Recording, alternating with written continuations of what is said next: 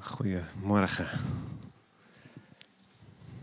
Het is er mooier dan in de aanwezigheid van God te zijn. Hè? Uw aanwezigheid in alles wat ik doe, zongen we net.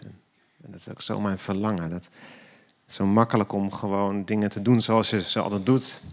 Omdat je ze nou maar moet doen of op je eigen manier te doen. En mijn verlangen is ook elke keer weer om afgestemd te zijn op de Heilige Geest. En me daardoor te laten leiden, door Hem te laten leiden. En dan is stilte, rust wel heel belangrijk. Diepe rust, luisteren naar God. En die vreugde, prachtig, om die samen te brengen. De vreugde van de Heer is onze kracht. En voor mij persoonlijk is dat best een, um, een punt waar ik nog verder in wil groeien. Ik ben eerder geneigd naar het moeilijke, het verdrietige, het zorgelijke. Daar ga ik eerder met mijn aandacht naartoe dan dat ik me laat leiden door blijdschap en de mooie en de goede dingen zie. Wie, wie herkent dat?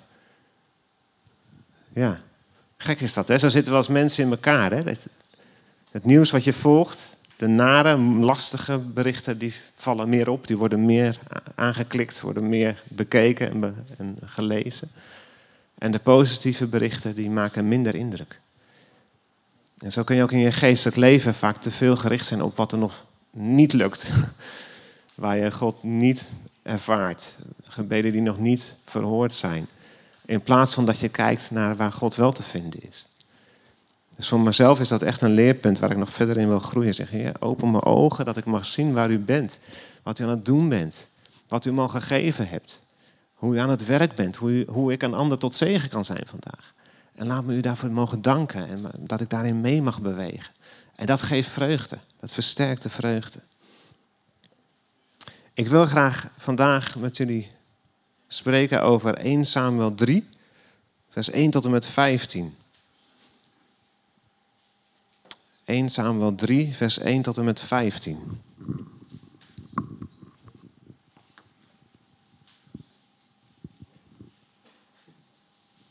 En dat gaat over het luisteren naar de stem van God. En de titel die ik erboven heb gezet is een tekst uit vers 10. Spreek, uw dienaar luistert. Over Samuel. Ik lees hem vooruit de herziene statenvertaling.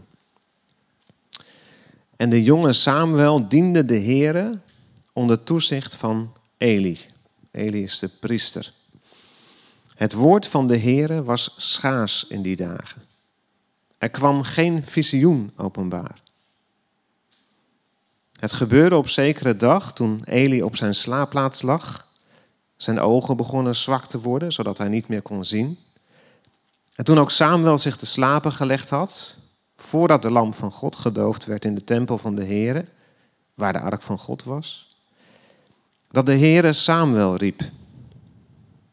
En hij zei, zie, hier ben ik. Hij snelde naar Eli en zei, zie, hier ben ik, want u hebt mij geroepen. Maar die zei, ik heb niet geroepen. Ga terug en ga weer liggen. En hij ging weg en ging weer liggen. Toen riep de Heer Samuel opnieuw. Samuel stond op, ging naar Eli en zei, zie, hier ben ik, want u hebt mij geroepen. Hij zei echter, ik heb niet geroepen, mijn zoon. Ga terug en ga weer liggen. Nu kende Samuel de Heere nog niet. Het woord van de Heere was nog niet aan hem geopenbaard. Toen riep de Heere Samuel opnieuw, voor de derde keer. En hij stond op, ging naar Eli en zei, zie, hier ben ik, want u hebt mij geroepen. Toen begreep Eli dat de Heere de jongen riep. Daarom zei Eli tegen Samuel: Ga weer terug en ga liggen. Wanneer het gebeurt dat hij je roept, moet je zeggen: Spreek, Heere, want uw dienaar luistert. Toen ging Samuel weer terug en ging op zijn slaapplaats liggen. Toen kwam de Heere en bleef daar staan. En hij riep, zoals de andere keren, Samuel, Samuel. En Samuel zei, spreek, want uw dienaar luistert. De Heere zei tegen Samuel, zie, ik ga iets doen in Israël waarvan bij ieder die het hoort de beide oren zullen tuiten. Op die dag zal ik over Eli alles gestand doen wat ik tegen zijn huis gesproken heb, van het begin tot het einde. Want ik heb hem bekendgemaakt dat ik over zijn huis voor eeuwig gericht zal oefenen, omwille van de ongerechtigheid die hij geweten heeft. Want toen zijn zonen zich vervloekt gemaakt hebben, heeft hij hen niet eens zuur aangekeken. En daarom heb ik het huis van Eli gezworen, de ongerechtigheid van het huis van Eli zal in eeuwigheid niet verzoend worden door slachtoffer of door graanoffer. Samuel nu bleef tot aan de morgen liggen. Toen deed hij de deuren van het huis van de Heere open. Samuel was bevreesd dit visioen aan Eli te vertellen.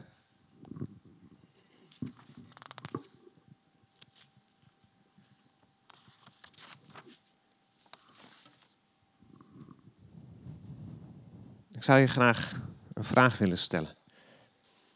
En misschien helpt het om even je ogen daarbij dicht te doen, om daarover na te denken. En de vraag is deze: hoeveel mensen ken jij die echt dicht bij God leven?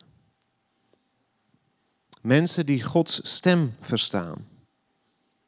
Mannen of vrouwen die Gods woord brengen op zo'n manier dat het lijkt alsof God rechtstreeks tot jou spreekt.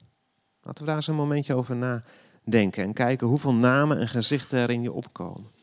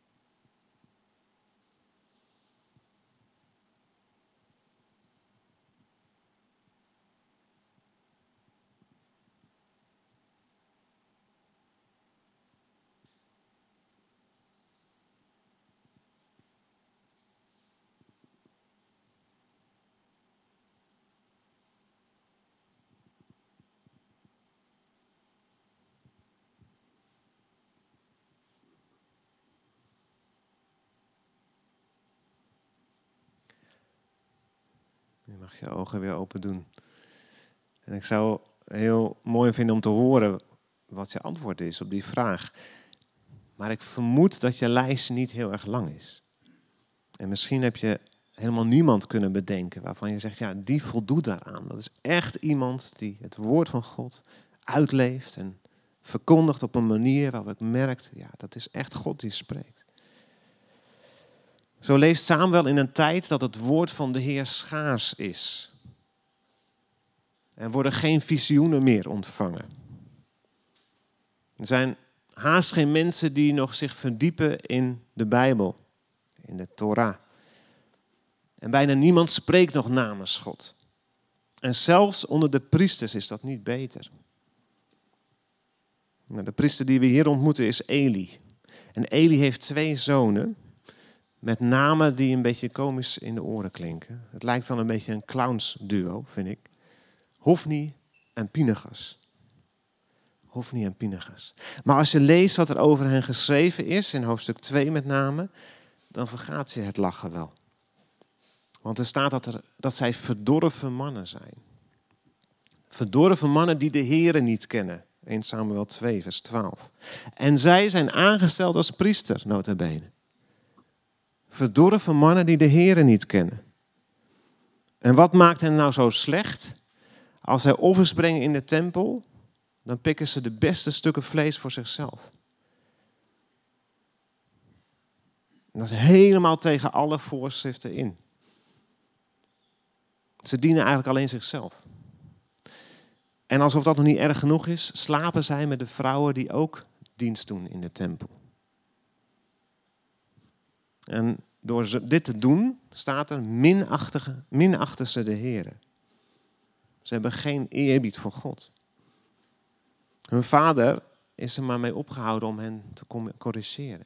want ze luisteren toch niet. Maar als het er zo aan toe gaat in de tempel, hoe moet het dan wel niet zijn in de rest van het volk? Misschien herken je dat wel in je eigen omgeving. Dat er onder jouw klasgenoten, studiegenoten, collega's, bekenden, vrijwel niemand meer is die de Heer nog kent.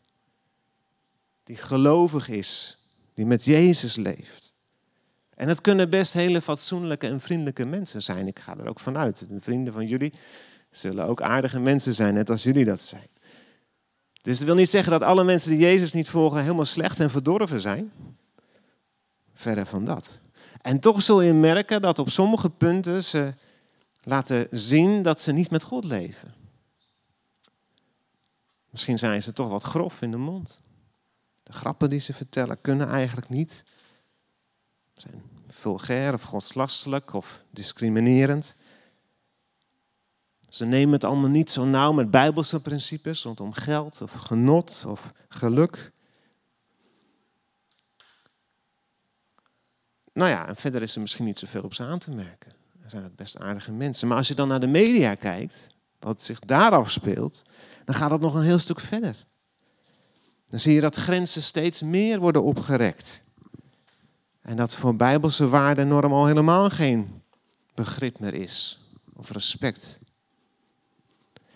En dan is de vraag, doen wij het als kerk nou zoveel beter in het algemeen gesproken? En misschien denk je, ja, ik ben wel positief over de gemeente, deze gemeente. Ik zet me daarvoor in. Er zijn heel veel mensen die zich daarvoor inzetten. Dat is geweldig. Of je kijkt naar alle christelijke evenementen en organisaties die er nog zijn in ons land. Conferenties. En dan is er nog heel veel om dankbaar voor te zijn. Je kijkt naar christelijke media. Wat een rijkdom in dit land, dat dat allemaal nog in vrijheid kan. Of je kijkt naar een aantal groeiende grote gemeenten in Nederland die hun duizenden en tienduizenden verslaan. Zeker ook online. Is er niet al heel veel moois en heel veel goeds, zowel in christelijk Nederland als daarbuiten? Is het niet veel te somber om te zeggen, ja, het lijken eigenlijk wel een beetje de dagen zoals in de tijd van Eli en Samuel. Ik moet er zelf dus voor uitkijken waar ik mee begon, dat ik niet te veel kijk naar wat ontbreekt, wat negatief is.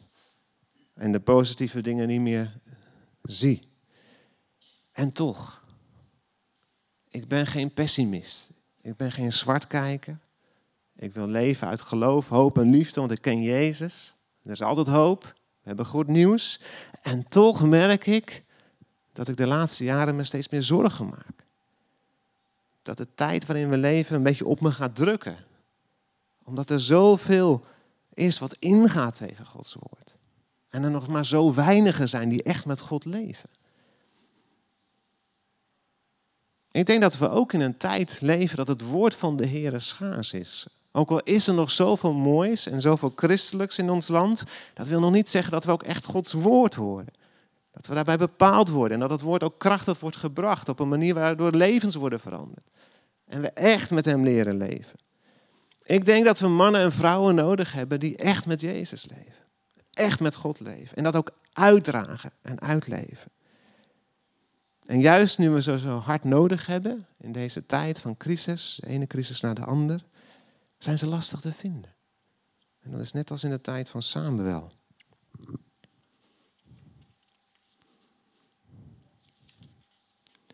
Hoe kan dat nou toch? Hoe is het nou zo ver gekomen?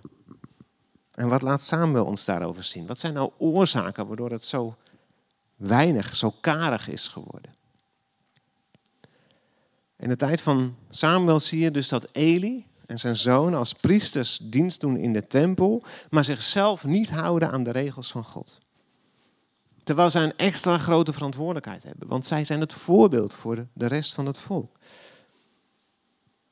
En doordat Hofni en Pinegas zich zo te buiten gaan en zo alle grenzen overschrijden, haken mensen af.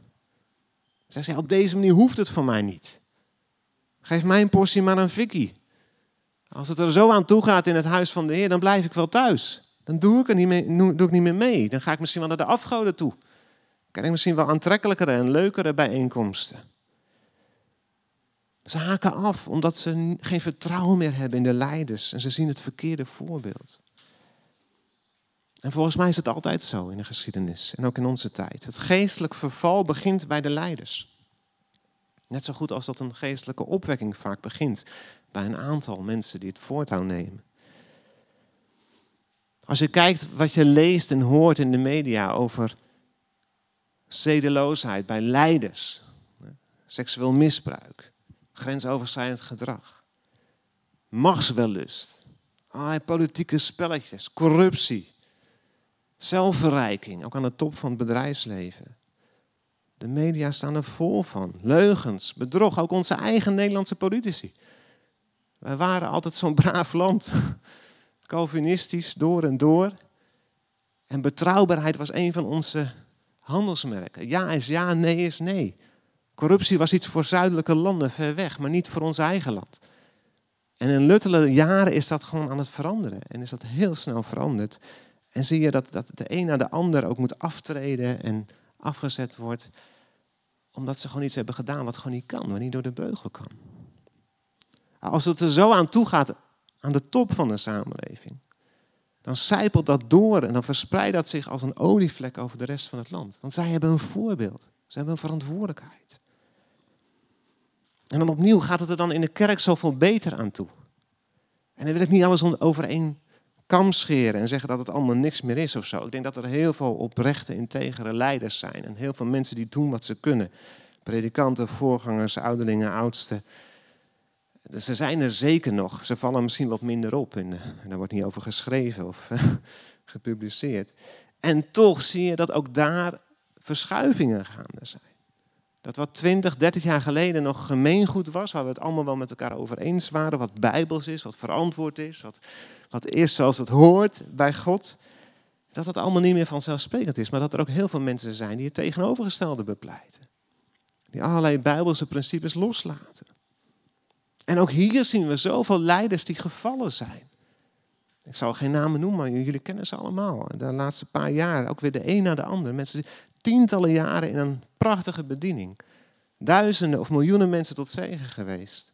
En dan blijkt dat ze al jaren een dubbel leven leiden. En, echt, echt de meest vreselijke vormen van, van overtreding, van, van grensoverschrijding. Van... Dat maakt je verdrietig, toch?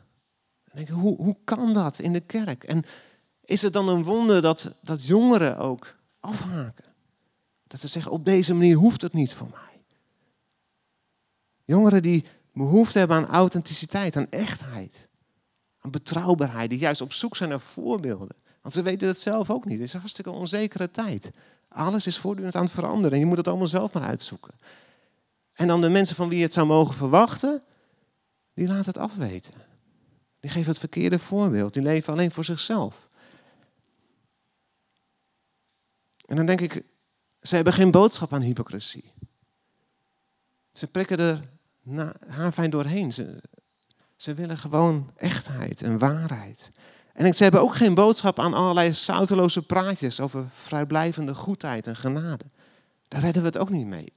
We mogen best de waarheid vertellen en ze voor een keuze houden. Het woord van de Heer is schaars in onze tijd. En in de tijd van Elia was het zo dat hij het niet eens meer door had wanneer God wel sprak. Zo was hij het verleerd. Door zijn ouderdom was hij slechtziend geworden. Maar door zijn geestelijke lauwheid was hij hardhorend geworden. Hij herkende het niet op het moment dat God sprak. Pas bij de derde keer, als God Samuel roept, denkt hij, oh, het is de Heer. En dan herinnert hij zich nog ergens vaag hoe je daar het beste op kunt antwoorden. Samuel, als dat dan nog een keer gebeurt, zeg dan spreek, heren, want uw dienaar luistert. Kijk, je kunt het Samuel niet verwijten dat hij dat niet wist, dat hij naar Eli ging. Had nog nooit zoiets meegemaakt. Hij is een jonge knul. We weten niet precies hoe oud hij was op dit moment in de tijd. Maar echt nog minderjarig, nog echt heel jong. Hij is opgegroeid in de tempel. Zijn moeder kon geen kinderen krijgen. Je kent misschien de geschiedenis. heeft de Heer gebeden en de Heer heeft gezegend en heeft voorzien. En ze had gezegd, als u mij een kind geeft, dan sta ik hem af aan u. Dan zal hij iemand zijn die u gaat dienen.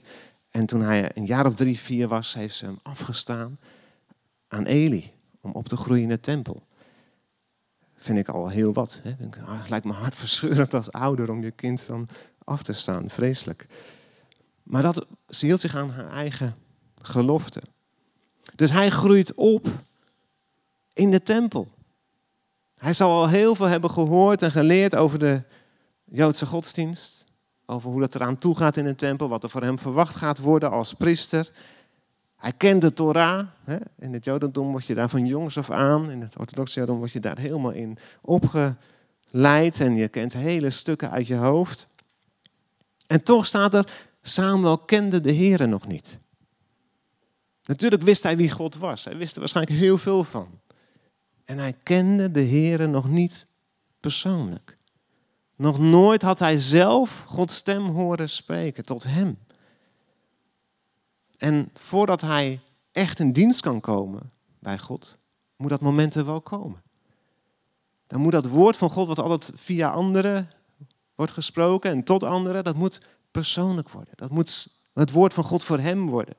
Hij moet een persoonlijke relatie met God krijgen. Hoe kan een jonge knul daartoe komen? Onderwijs is belangrijk. Bijbelkennis, kennis van de godsdienst, allemaal belangrijk. Maar uiteindelijk heb je iemand als Eli nodig die zegt, zo werkt dat. Als hij je spreekt, moet je zo antwoorden. Zo kun je zijn stem leren verstaan. Zo kun je daarop antwoorden. En ondanks het alle gebreken van Eli, doet hij dat wel. Is hij toch iemand die de jongen samen bij de hand neemt en zegt, joh, als God nou spreekt, reageer dan zo. Ik denk dat er een grote nood is in onze tijd aan jonge Samuels. Jongen in leeftijd, wat mij betreft. Gewoon tieners en jongeren die ook gaan opstaan. Maar ook jong in geloof. Je kunt best nog maar net tot geloof zijn gekomen en toch een duidelijke stem van God zijn in deze tijd. Dus mensen die dat nog aan het leren zijn, met vallen en opstaan. Die passie hebben, die vuur hebben. En die zeggen, ik ben, ik ben toegewijd aan God. En mijn verlangen is om het woord van God te brengen. Maar ze hebben ook Eli's nodig. En Elisa's en zo. Ze hebben ook mannen en vrouwen nodig met meer ervaring. Die oog hebben voor die jongeren of die jonge gelovigen. En zeggen, ik zal je wel bij de hand nemen. Ik zal je onderwijzen. Ik zal je laten zien hoe dat werkt. Kijk het maar af van mij.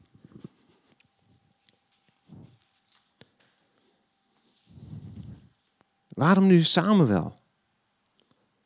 Van alle jonge knullen die er waren in die tijd, waarom nou Samuel? Ja, we hebben al gezien dat hij wel onder buitengewone omstandigheden is opgegroeid. En dat heeft zeker meegeholpen. Je mag dankbaar zijn als je in een christelijk gezin opgroeit, waar je ook echt kennis maakt met de Bijbel en met de Bijbelse principes, waar je ouders hebt die dat ook voorleven, waar je dat als gezin mag beleven. Dat helpt allemaal mee. Het is geen voorwaarde, maar het kan je wel helpen om eerder open te stellen voor God. Toch was dat niet helemaal de situatie. Hij leefde dan wel in de tempel, maar hij had Eli als een stiefvader en Hofni en Pinegas als een stiefbroers. We hebben net gezien dat het nou niet de beste voorbeelden waren. Het zijn tegenpolen zelfs. Maar we lezen over Hofni en Pinegas dat ze slechte mensen waren, slechte mannen, die niet met de Here leefden. Lezen we over Samuel, dat hij diende voor het aangezicht van de Here. Hoofdstuk 2, vers 18. Hij draagt al een priesterhemd. Ook al is hij nog niet meerderjarig en is hij nog niet op de leeftijd dat je dat mag doen. Eigenlijk. Hè? Dat je daarin mag dienen. En dan staat er in vers 26, de jonge Samuel kreeg gaandeweg meer aanzien en gunst, zowel bij de heren als ook bij de mensen. Vergelijkbare woorden worden over Jezus geschreven in Lucas. Hij groeit in gunst en genade bij de mensen en bij God. Met andere woorden, iedereen is gek op Samuel. Misschien juist wel doordat hij een beetje anders is. Niet op zijn stiefbroers lijkt. En juist iets belichaamd van God. Ook al kent hij hem zelfs nog niet eens persoonlijk zo goed. En dan wordt hij geroepen om profeet te zijn. En wat me dan opvalt is dat hij geen indrukwekkende visioenen krijgt. Er klinken geen donderslagen. De aarde beeft niet. Zoals wel vaker gebeurt in het Oude Testament als mensen geroepen worden. Geen rook, geen vuur, geen speciale effecten. God komt bij Samuel als hij ligt te slapen, notabene. In zijn slaapvertrek. Is dat niet prachtig? Als ik mijn dochter zie, als ze al op bed ligt en ik ga nog even voor dat ik zelf naar bed ga, nog even langs, dan zegen ik haar. En dan ligt ze te slapen. En als het niet al te donker is, dan zie ik haar. En dat ontroert me vaak. Ik denk, wat, wat een mooi beeld van afhankelijkheid, van kwetsbaarheid, van totale overgave en ontspanning. Is het niet zo dat vaak wanneer wij kwetsbaar zijn, zwak, dat dan God komt en spreekt? Dat we dan merken dat Hij er eigenlijk al is. En dan is het heel vroeg in de morgen als de stem van God klinkt in de, in de tempel. En Samuel heeft dat nog nooit eerder meegemaakt. En dan denkt hij dat het Eli is. Dus hij gaat tot drie keer toe naar Eli toe en zegt, zeg het maar. Je kunt je nogal vergissen als je nog niet vertrouwd bent met het spreken van God. Dan kan je denken dat hij spreekt op plaatsen waar hij niet spreekt. Maar je kunt het ook missen dat hij spreekt op plaatsen waar hij wel spreekt. Met andere woorden, we moeten onze oren oefenen. We moeten getraind worden in het luisteren naar Gods stem. Samuel moest dat nog leren. En stilte is daarin essentieel. Hoe kun je luisteren als je altijd aan het woord bent? Heel simpel. Of als je altijd muziek op hebt staan en altijd andere prikkels van buitenaf. God spreekt in de stilte, in de vroege morgen. Wanneer er nog niemand in de tempel is, de tempel zelfs nog gesloten is. Een soort heilige stilte. En in die plek klinkt het de stem van God. En dan vers 10 staat, toen kwam de Heere en bleef daar staan. Dat vind ik zo ontroerend. De jongen samen ligt daar te slapen. God verschijnt zelf in eigen persoon en gaat naast het bed van Samuel staan. Een heilige, almachtige God. In de tempel die gebouwd is om zijn grote naam te eren en te prijzen, dag en nacht. En dan verschijnt hij en hij blijft daar staan. Zo dichtbij wil God komen. In al zijn heiligheid en verhevenheid. In al zijn macht en heerlijkheid. Wil je zelf zo dichtbij komen dat hij je ziet in je pyjama. Zonder dat het ongemakkelijk wordt. Zoals je man of vrouw als je getrouwd bent. Of een goede vriend of vriendin die blijft logeren je broer of je zus, je vader of je moeder, dat het niet uitmaakt. Of je nou een pyjama aan hebt of je zondagse pak. Zo dichtbij komt God. En de vraag is dan wel, wil je dat ook? Wil je hem toestaan in je slaapkamer? In je privé vertrekken? En samen, God doet dat ook weer niet bij iedereen. En doe dat niet voor niks. Het is niet zo dat hij een ommetje aan het maken was en toevallig langs Samuel kwam. Hij gaat heel bewust naar deze persoon, want hij heeft hem iets te zeggen. Hij wil hem roepen voor een functie. En hij roept met luide stem twee keer: Samuel, Samuel, word wakker. Ik heb je wat te zeggen. Twee keer. En dat deed hij ook toen hij Abraham riep. Abraham, Abraham, vertrek uit je eigen land. Jacob, twee keer. Mozes. Als God zo roept, dan is het belangrijk. Dan gaat er wat gebeuren. Dan kan het niet langer wachten. Samuel moet nu luisteren. Hij moet het woord van God horen. En dan zegt Samuel wat hem gezegd is dat hij moet zeggen. Spreek, want uw dienaar luistert. Hij vergeet zelfs het woordje heren. Zo, zo Onervaren is hij. Spreek, want uw dienaar luistert. En dat is precies de reactie waar God op hoopt als hij mensen roept. Als hij gaat spreken. Dan is het niet zo van Wauw, ik heb Gods stem verstaan. Ik ga dat van de daken verkondigen, ga op het podium staan. Zie, God spreekt tot mij. Nee, het gaat niet om mij. Uw dienaar luistert. Dit gaat niet over mij, over een bijzondere ervaring of een kick of iets om mee te pronken in een samenkomst of in je vriendenkring. Nee, het gaat niet om die ervaring. God roept om te dienen. Uw dienaar luistert. En luisteren is niet alleen maar aanhoren. Nee, ik wil horen wat u zegt en ik wil doen wat u van me vraagt. Ik wil gehoorzaam zijn. Mijn oren spitsen om te doen wat u van mij vraagt. Een woord wat heel vaak terugkomt in de Bijbel en zeker in het Oude Testament. Luister Israël. Luister. Wees gehoorzaam.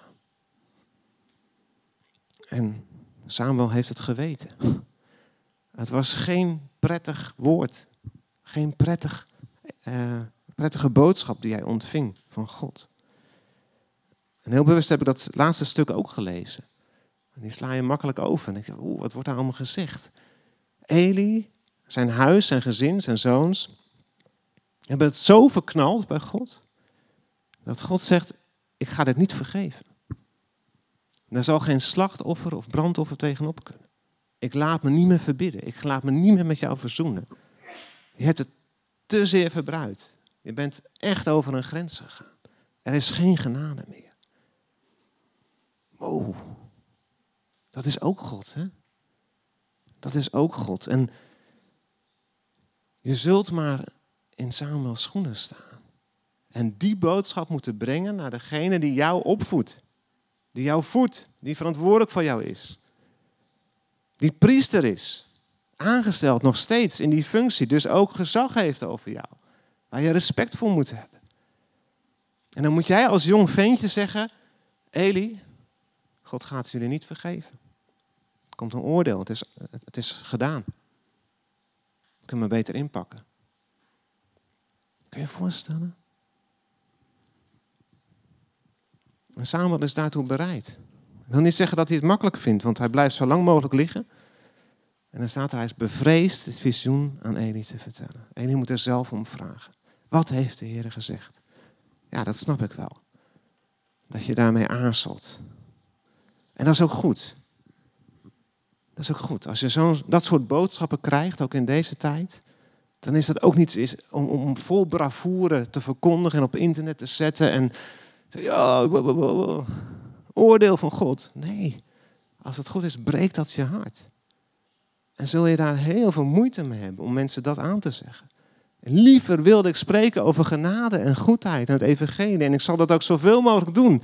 Want daartoe zijn we ook geroepen. Maar als God dit soort dingen laat zien. Zeg, ja, er komt een tijd van verdrukking. Er komt een tijd van oordeel. Er zijn zonden waar ik niet, die ik niet ga vergeven. Misschien ook van voor ons land.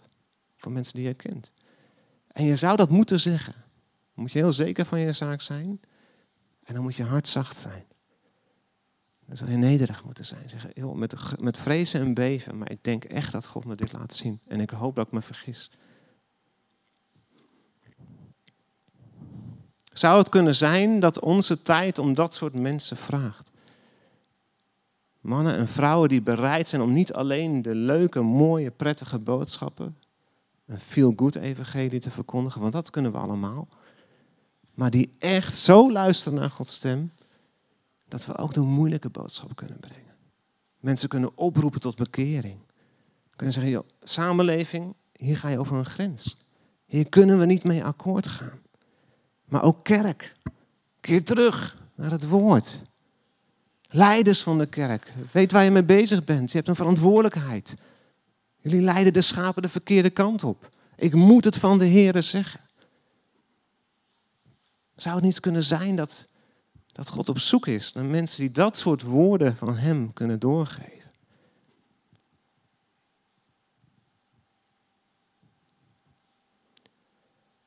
En dat is geen makkelijke taak. Nogmaals. Maar ik herken er iets van. In alle bescheidenheid herken ik er iets van in mijn eigen leven. Ik was zo jong als Samuel. Toen ik mijn eerste ervaringen had van geroepen worden door God. Zes jaar, negen jaar, elf jaar. Momenten dat ik, ook al kende ik hem persoonlijk eigenlijk nog niet echt. toch momenten had dat ik, dat ik ervoor, hij is hier. En hij vraagt me om het woord van God te gaan verkondigen. Ik was me bewust van de, de tijd waarin we leven. De strijd die zich afspeelt. En ik wist, ik, ik krijg een taak om richting te wijzen. Mensen naar God te wijzen. Tegen de stroom in. Ik wist niet half wat me te wachten stond natuurlijk. En ik heb lange omwegen moeten maken voor mijn gevoel, voordat ik daar kwam. Heel veel moeten leren. Gevormd, gebroken.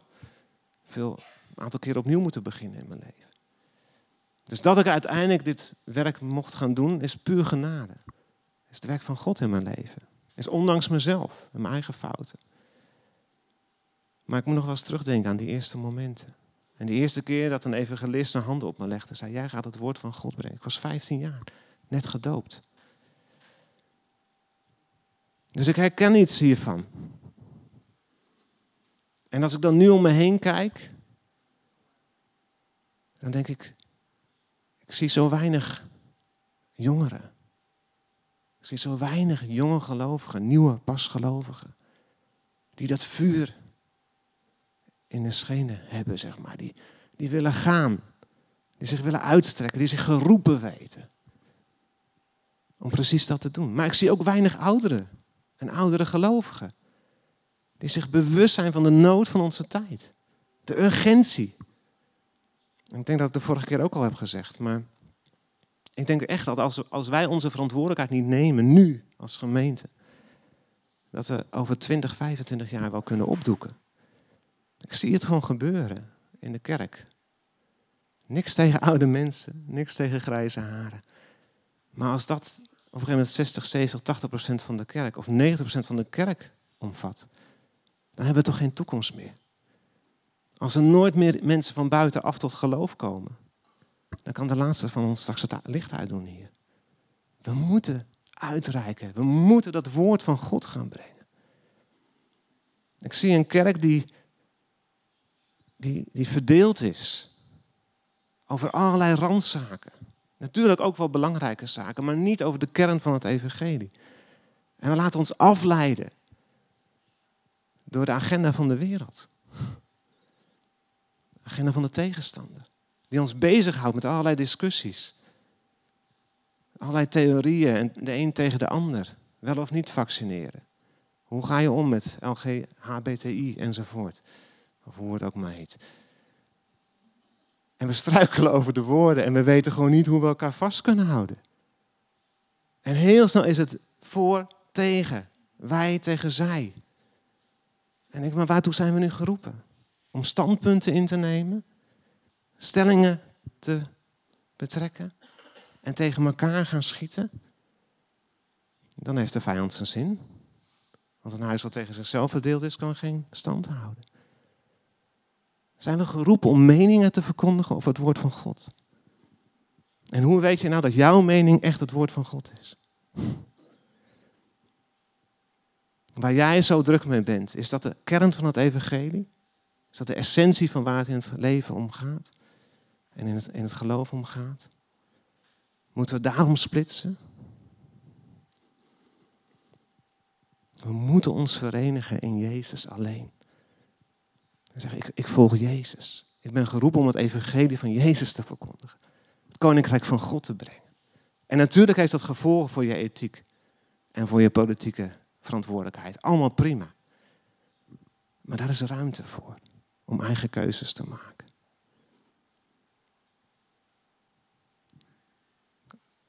Ik denk dat God verlangt naar mensen die durven opstaan. Die zich niet laten intimideren door wat er allemaal gaande is. Want die mensen zie ik ook, die een beetje wegduiken in een hoekje. Ik denk, oh, na mij de zonvloed. Ja, misschien komt die ook wel. ja, niet zoals in de dagen van Noach, maar, maar dan hebben we ook mensen juist dan nodig. Die zeggen, oh, er komt, er komt iets vreselijks aan. Maar ik, ik ga geen angst zaaien. Ik heb een goede boodschap, je kunt gered worden. Hoe het ook precies zal gaan straks, ik weet dat niet. Ik weet niet of we in de eindtijd leven. Ik weet niet wat het programma precies is en waar we zitten op de kalender van God. En dat interesseert me gezegd ook niet zo. Want daar kunnen we ook heel druk mee zijn. En elkaar ook om verketteren, of je dat wel precies goed ziet. Maar ik weet wel dat ik geroepen ben om mensen tot redding te brengen. Juist als je doordrongen bent van de nood van de tijd. Dan is het toch onze taak niet om het uit te spellen hoe het allemaal zal gaan of mensen bang te maken. Maar juist om een hoopvolle boodschap te brengen. Nu is er nog tijd. Je kunt je nog bekeren. En het hoeft niet zo te gaan. Want keer op keer zien we dat God genadig is wanneer het volk zich bekeert. En oordelen ingetrokken worden. Op het moment dat mensen gehoor geven aan het woord van God. Dus misschien is er nog wel uitstel mogelijk. Misschien komt er wel weer een herleving. Ik weet het niet. Ook dat weet ik niet. Ook daar heb ik heel veel profetieën en, en, zekerheden over gehoord die tot op heden niet uitgekomen zijn. Maar ik wil daarvoor openstaan. Maar dat is niet aan mij, dat is aan God wat hij gaat doen. Maar mijn taak is om het woord van God te brengen. En God helpen om gewoon trouw te zijn. Om zelf trouw te blijven aan de weg van Jezus. En om anderen daartoe te bewegen en uit te nodigen. En de moeilijke boodschappen niet te schuwen, maar altijd weer hoop te brengen. En liefde en vrede.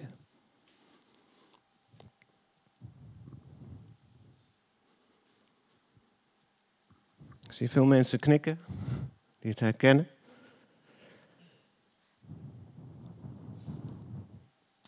Ik wil niet invullen voor jou hoe je hierop moet reageren. Ik denk dat mijn boodschap helder genoeg is. Ik heb iets over mezelf verteld. En ik hoop dat er herkenning is. Dat je ook de nood van deze tijd herkent en de urgentie. En dat het iets van ons vraagt. Maar wat het precies van jou vraagt, weet ik niet. Dat kan voor ons allemaal weer anders zijn. Hoe jij kunt bijdragen aan de verkondiging van het woord. Aan trouw blijven. Aan de eenheid van de gemeente. Misschien is dat iets om in gebed te brengen bij God. En daar gewoon even een moment stilte voor te nemen met z'n allen. En wat mij betreft doen we dat staande, als je wilt en kunt.